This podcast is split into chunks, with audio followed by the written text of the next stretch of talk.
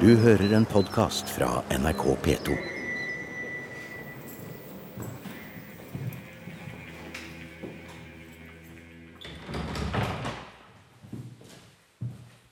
Hola, soy Ana Iturralde Quildal. Me llamo Susana Kildal. Soy nieta de Marcus Kildal. eh, Søstrene Anna og Susanna Kildal er baskere. De bor i byen Tolosa i Baskeland.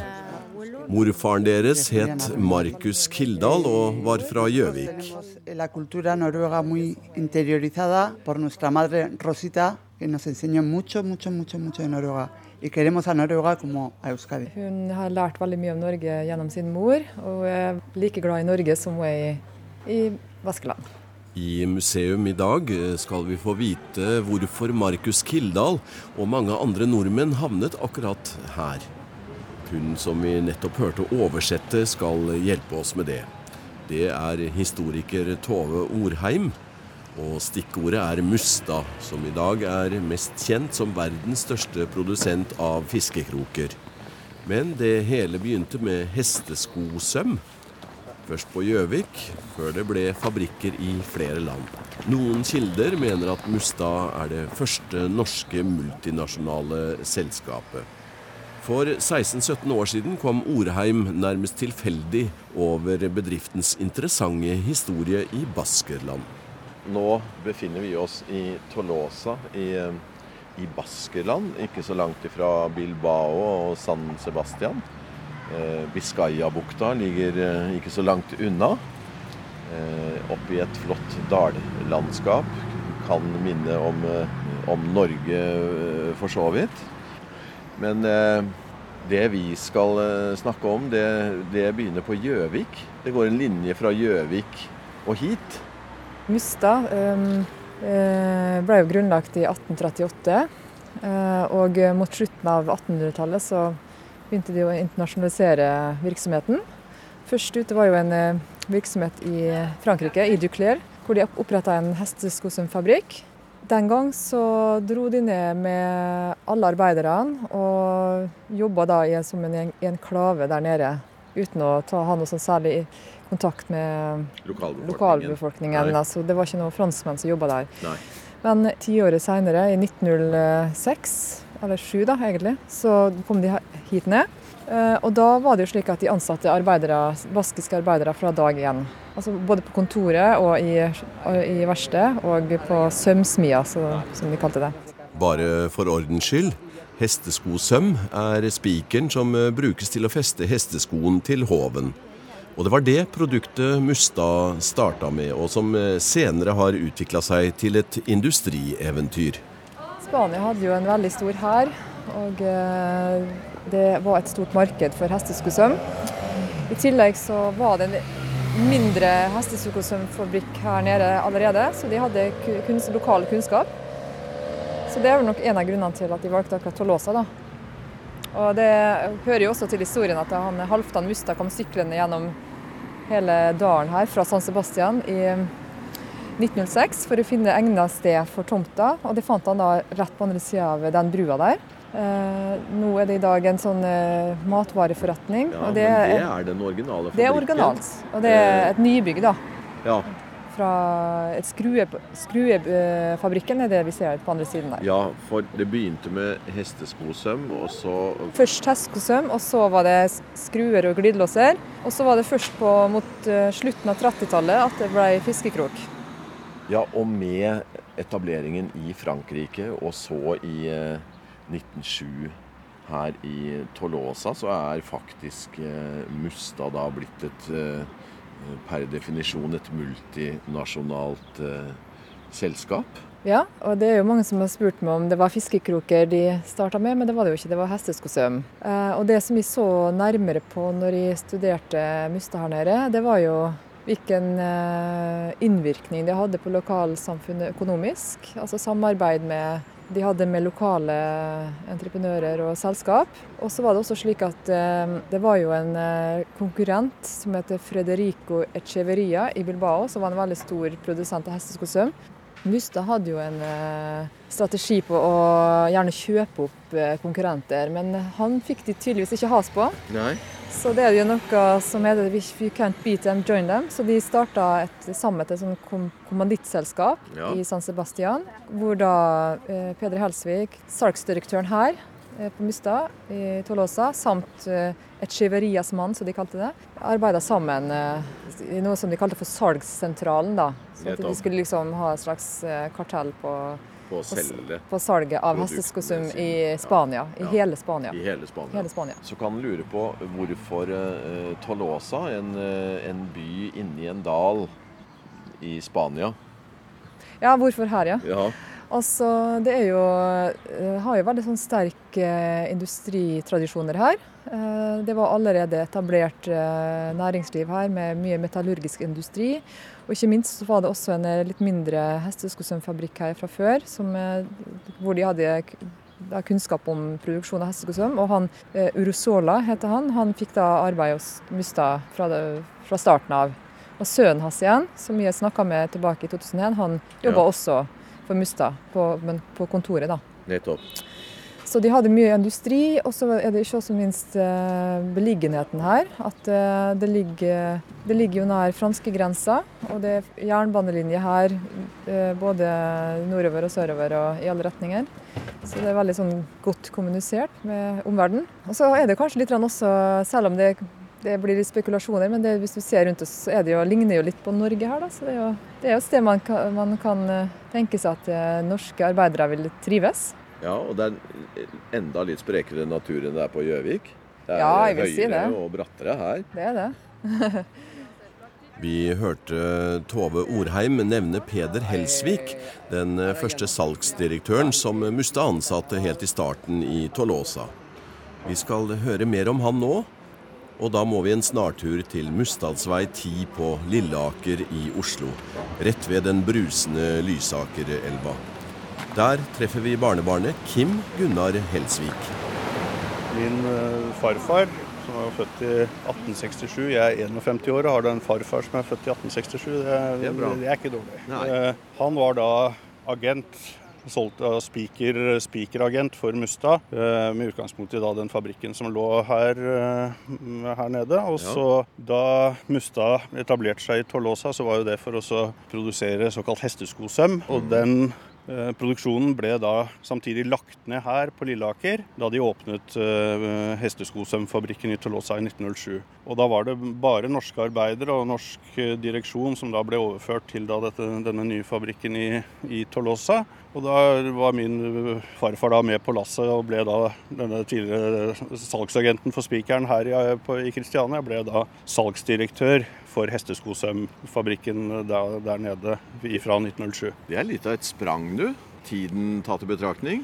Ja da, men altså, det snakker om liksom mobilitet og arbeidskraft og situasjonen i Europa i dag og sånt. Og her var det ikke noe bønn, tror jeg. liksom sånn, Nei. og så skulle man da liksom Ja. Her var det bare å ta den muligheten som, eh, som man da Løse, fikk. ja. Og jeg tror det var en, eh, en eh, mulighet som han og mange grep, eller flere grep med med åpne armer. Sikkert spesielt for han som da liksom ble direktør der nede. Kanskje annerledes for disse arbeiderne som kom fra mm, fra Gjøvik og, og, og herfra. Men historien skulle jo snart vise at liksom, dette her ble jo et veldig, et veldig ja, altså Nordmennene ble veldig integrert der nede, ikke minst pga. energiklubben og sånt etter hvert. Så, og dette var en, en kjempeperiode i Baskeland. altså Det er en enorm økonomisk utvikling. Dette her, Tolosa ligger rett i ved San Sebastian, som var liksom sommerhovedstaden i Spania på den tiden. Hvor kongehuset holdt til på sommeren, og, og hvor det var eh, kjempeliv med kasinoer og, og et, eh, ja,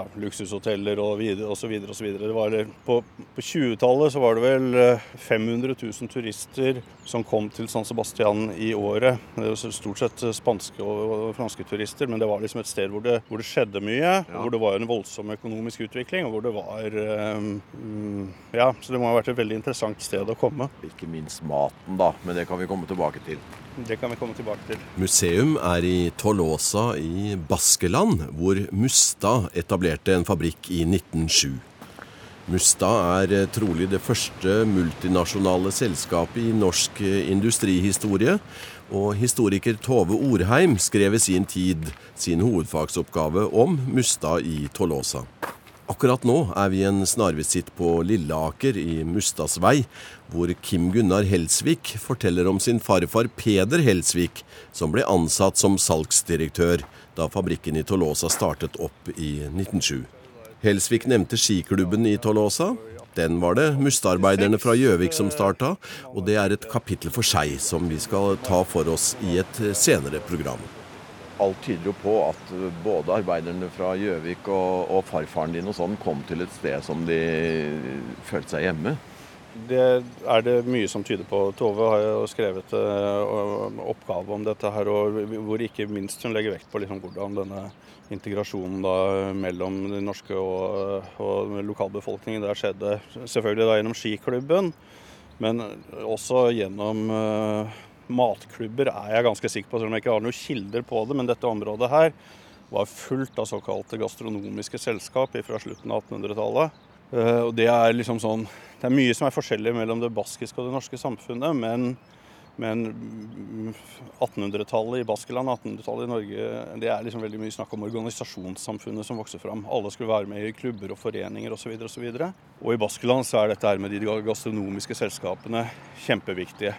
Disse såkalte chocoene som eh, eh, altså I San Sebastian, rett ved Tolosa, så var det 79 chocoer på begynnelsen av 1930-tallet. Akkurat. Dette var i utgangspunktet matklubber bare for menn. Ja. Men det fungerte da liksom slik at uh, både høy og lav i samfunnet og sånt nå var i disse, i disse mat, matselskapene. sånn at dette her var et sånt sosialt lim i, uh, i samfunnet. sånn at uh, og derfor altså med skiklubben også. Baskerne var veldig vant til å være i, i klubber hvor man liksom da kunne møtes på tvers av yrker og ja. sosial status osv. Så, videre, og så, videre. så ting lå jo veldig til rette også for at ja, ja, nei, dette er kjempegøy. Alle, dette blir vi med på. Ja. Og eh, garantert så har veldig mange av nordmennene vært med i da, disse, her, eh, disse chocoene.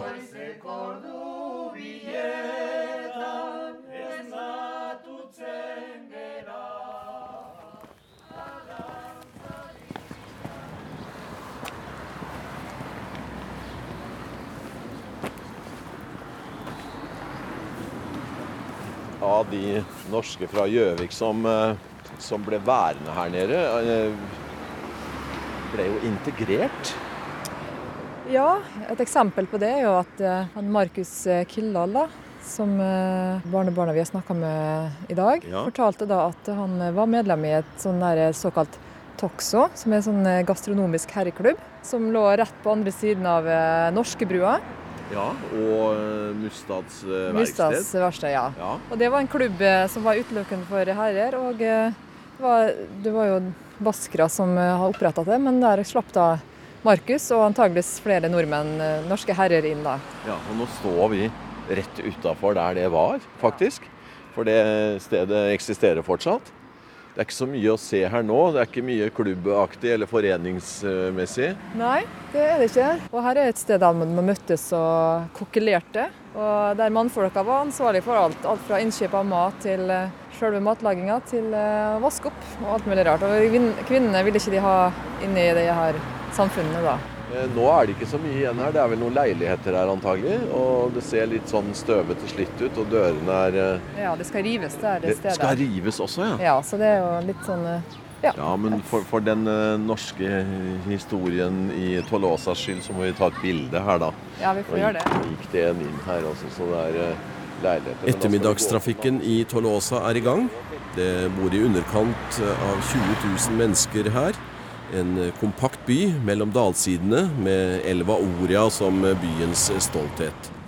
Den var og er også viktig for industrien i byen. Vi er heldige og blitt invitert til lunsj på en, eh, en choco eller toxo, eller hva det nå heter på baskisk eller spansk. Det er et tredvetalls slike bare i Tolosa. Søstrene Susann og Anna Kildahl er medlemmer og i så måte foregangskvinner på denne arenaen. Anna, som er hun som driver skiforretningen her. Hun var den første kvinna som eh, fikk innpass i det, det Toxo der, og det var hun veldig stolt over. da. Det var på slutten av 70-tallet. política también casi ya no existe, ¿eh? porque te vienen los chinos y se lo llevan.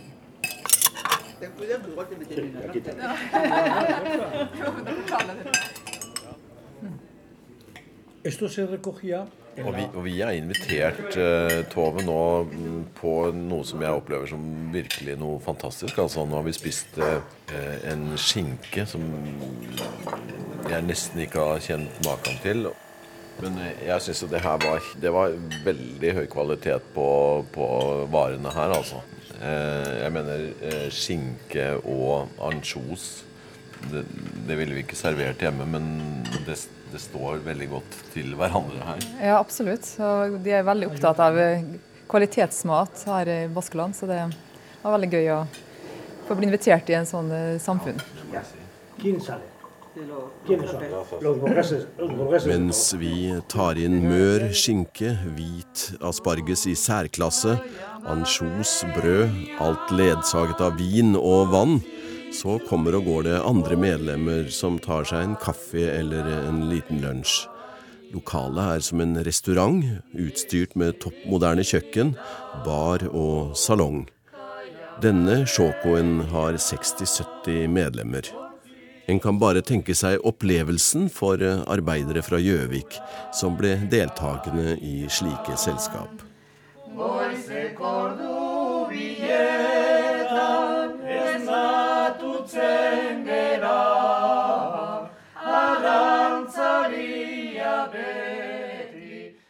Baskerne er et uh, syngende folk, og Tolosa har årlig en verdenskjent korfestival, ofte med norsk deltakelse.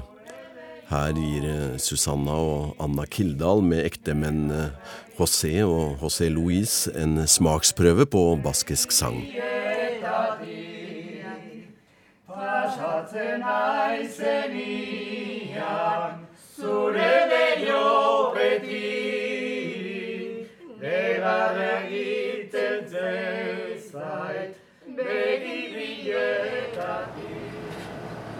Jeg bare gikk og så etter inngangen.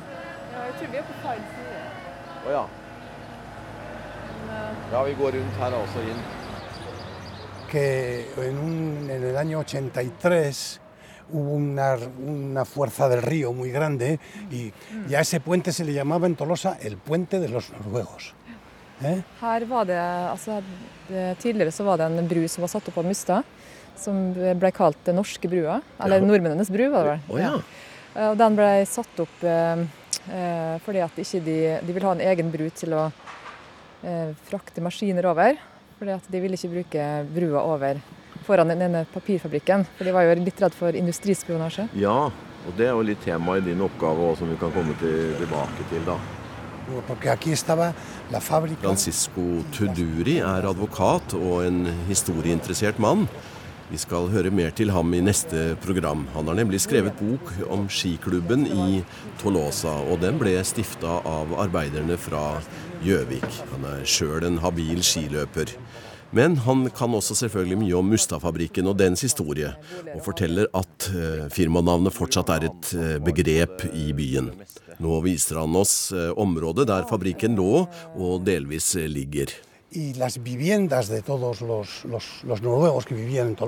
Ja, det var både fabrikk og boligene til de som jobba på fabrikken. Så det var, utgjorde et ganske stort område. Ja.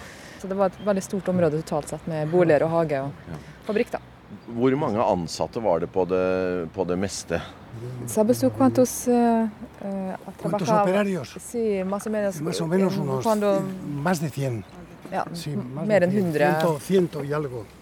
Over 100 på det meste. Ja, Og da var det selvfølgelig flest lokale arbeidere Ja, da, i forhold lokale, til, til nordmenn. Ja. Men her har altså folk fra, fra Gjøvik da, eh, kommet til jobben, eller de har bodd inn, nesten på fabrikken. Ja. Og, og hatt sitt eh, liv her. Og når vi ser rundt oss, så, så eh, kan en tenke seg at de følte seg greit hjemme her. Med grønne åsider og muligheter for å gå på fjelltur. og elv som renner her. Og, så, og det er jo ikke langt til havet heller, så Nei. det kan godt tenkes at eh, de trivdes godt her. Den røde Eroski matvarebutikken, Ja, det er det liksom eneste som er, gjenstår av Mustad-fabrikken. Det, akkurat. Så det er, eh, det er originalt, ja. Det er originalt. Fabrikk. Ja, det nyere- det må, nyere bygg, da. det må vi gå bort og se på. Ja, original.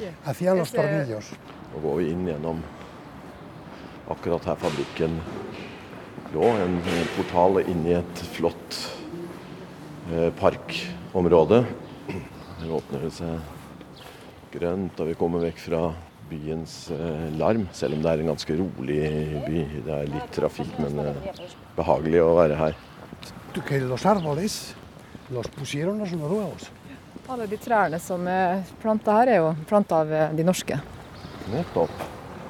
Lo hemos vivido muy mucho, la, la vida de la chona del... Mucho, mucho, sí, sí, sí. Susanna Kildahl, som er med på denne lille guidingen, husker godt eh, morfar Markus Kildahl, og hun lekte ofte ved fabrikkområdet som barn. Poco... Vi har hørt mye om hesteskosøm, men nå kommer en litt brokete fiskekrokhistorie fra Tolosa. I tillegg til hesteskosøm så ble det også fiskekroker her. Altså, det var jo ikke noe sånn selvfølgelighet at det ble en, eh, det her. Men eh, det som eh, fordi de ville jo gjerne importere kvalitetskrok fra Gjøvik. Og det var for vanskelig å bygge en fiskekrokmaskin her som de kunne produsere kroker av kvalitet.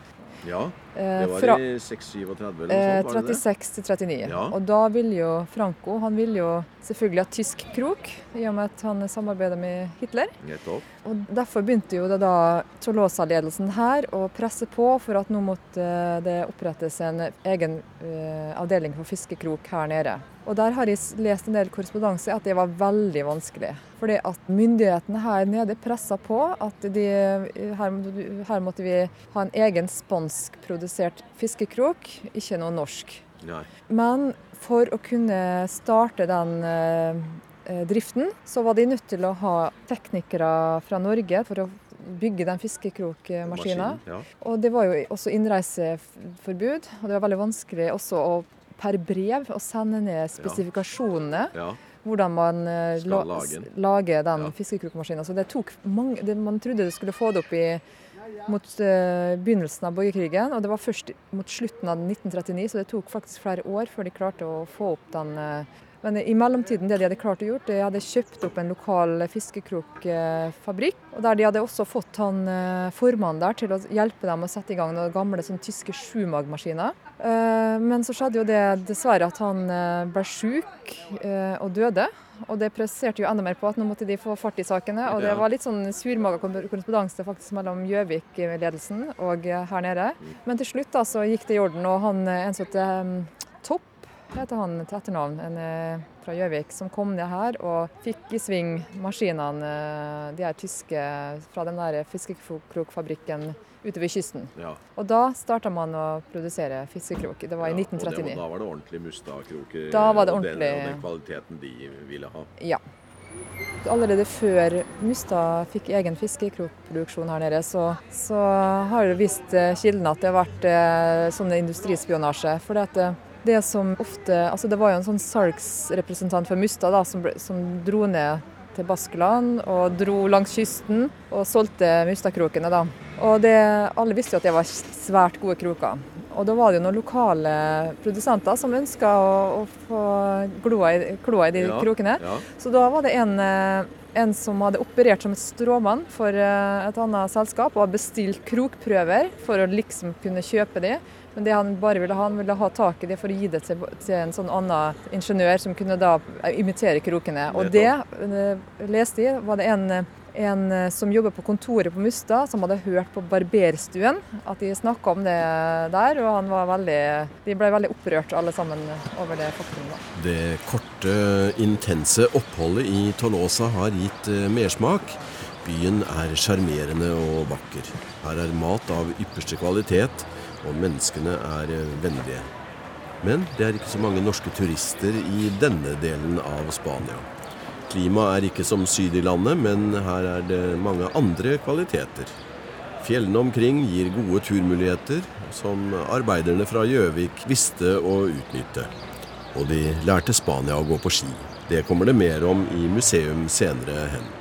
Nå tar vi bare en liten tur innom eh, supermarkedet hvor eh, Mustad hadde sin skruefabrikk for eh, mange, mange, mange år siden. Hva heter eh, supermarkedet? Er det Eruski? Eruski, ja. Det er sånn baskisk nettopp. Vi får gå inn og se og få en kanskje følelse av det arbeidet som e- en gang pågikk her. Det er jo ikke noe nytt fenomen at en bruker eh, at en eh, bruker gamle industrilokaler til eh, supermarkeder og treningssentre. Også Nei. her i Baskeland. Men en kan jo se for seg Gjøvik-bedriftens ansatte holde på her med, med skruer og metall og bråk fra maskiner og Ja, ikke sant? i det hele tatt.